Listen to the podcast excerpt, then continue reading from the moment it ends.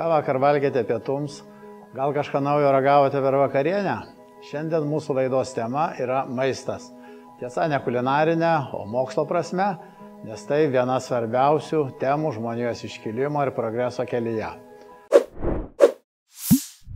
Aš esu Rimantas Venskutonis ir šiandien papasakosiu apie tai, ko jums galbūt dar niekas nesakė apie maistą. Maistas atrodytų toks paprastas ir kasdienis dalykas, tačiau iš tiesų tai sudėtingas ir labai svarbus mokslo objektas.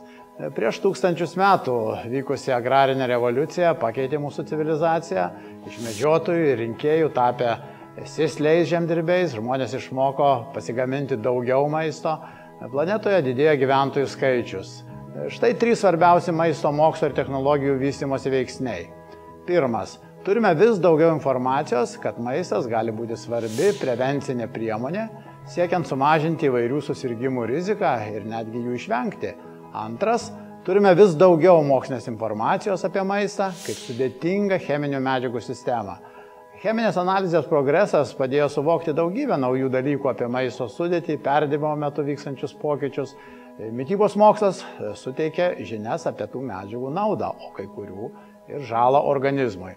Na ir trečiasis veiksnys tai yra įvairių naujų technologijų plėtra. Pavyzdžiui, mikrobangų panaudojimas, kuris praeitame šimtmetyje ženkliai pakeitė e, valgio rošos įpročius. E, vis sparčiau vystysis taip vadinama personalizuota mytyba. Kas tai yra?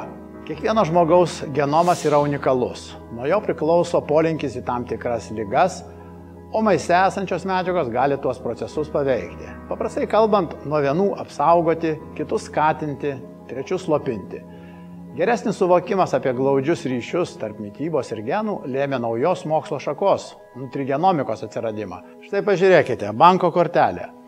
Savaime suprantamas dalykas. Netolimoje ateityje kiekvienas turės kažką panašaus savo individualiai mytybai. Tokioje laikmenoje bus informacija apie žmogaus genomą, jo turimus genus ir jų įtaką sveikatai bei savijautai.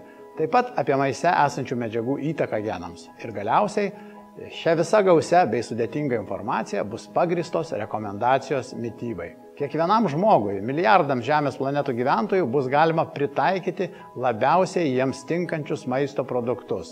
Matote šias dėžutės aplinkui? Tai įvairūs maisto papildai, kurių nuolat daugėja, bet tai ne maistas. Jo tikriausiai nereikėtų, idealiai maitinantis ir laikantis atitinkamo gyvenimo būdo. Ateityje masiniu reiškiniu taps funkcionalus maistas, kuris teiks žmogui trejopą naudą - aprūpins kūną ne tik maistinėmis, energinėmis, bet ir lygų riziką mažinančiomis bei savijautą gerinančiomis medžiagomis. Apskaičiuota, kad iki 2050 metų Žemėje jau gyvens beveik 10 milijardų žmonių. Išmaitinti juos reikės kiek kitokių pajėgumų nei yra dabar. Štai trys globalinę maisto sistemą palaikančios galingos kolonos. Jos laiko milžinišką konstrukciją. Tai apsirūpinimas maistu, maisto sauga ir jo sveikumas. Pilnas apsirūpinimas maistu visada buvo ir šiuo metu nemažoje pasaulio dalyje yra probleminis. Nemažai žmonių kasdien kenčia badą. Kita vertus, daug išsivyščiusių valstybių kovoja su visuomenės viršsvario problema. Nutukimas yra sparčiai plintanti lyga ir jau pripažįstamas epidemija. Tai susijęs su maisto išteklių paskirstimo bėda ir kitais veiksniais. Maža to, įvairiose žemės ūkio ir maisto produktų gamybos tiekimo ir vartojimo grandyse mes išvaistome apie 30 procentų žemės ūkio ir maisto išteklių. Tuo maistu būtų galima pamaitinti apie 800 milijonų žmonių. Tai gerokai daugiau nei dabar gyvena žmonių visoje ES. Genetinė modifikacija. Naujovės visuomet baugina žmonės. Automobiliai kadaise atrodė nepatikimi. Jie išmeta nuodingas dujas, bet niekam nekyla minčių juos uždrausti. Tas genetinis modifikavimas būna įvairaus lygmens. Dažniausiai žmonių sveikatai jis nėra rizikingas. Procesus reglamentuoja griežtos taisyklės. Pomidoras. Didelis, raudonas ir sultingas. Atrodo įprastai, bet žmonės pastebi, kad skonis nebe toks, kaip kadaise. Tai susijęs su intensyviaja žemdirbystė. Darže natūraliomis sąlygomis pomidoras nokdavo ilgai, vykdavo natūralūs metabolizmo procesai, susidarydavo pakankamas kiekis skonio ir aromato medžiagų. O dabar, kai reikia užauginti didelį ir greitai, antrinio metabolizmo produktai nespėja pasigaminti. O kaipgi vanduo? Ką ger žmonės, kai planetoje jų bus jau 10 milijardų? Kai kuriuom šalims jau dabar iškyla rimtų iššūkių. Kėlo vandens ima trūkti, jis imamas iš jūrų vandens, pašalinant iš jo druską, tačiau skonio savybės gerokai prastesnės nei iš natūralaus šaltinio. Yra prognozių, kad ateityje vanduo bus brangesnis už naftą. Jau dabar kai kuriuose restoranuose ir aerouostuose jis brangesnis už benziną. Lietuvoje maisto pramonė nuolat pateikia inovatyvių ir išskirtinių produktų. Nemaža jų dalis sukuriama prisidedant mokslo institucijoms. Inovacijų veiklas koordinuoja mokslo, inovacijų ir technologijų agentūra.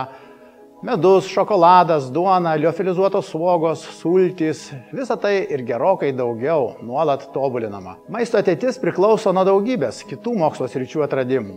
Ateityje bus dar daugiau funkcinių produktų, daugiau informacijos apie juose esančių medžiagų poveikį genams ir sveikatai. Galima bus paprasčiau išsirinkti savo tinkamą valgį ar gėrimą. Aš Rimantas Venskutonis, o čia buvo PA mokslo laida apie maistą. Skanaus.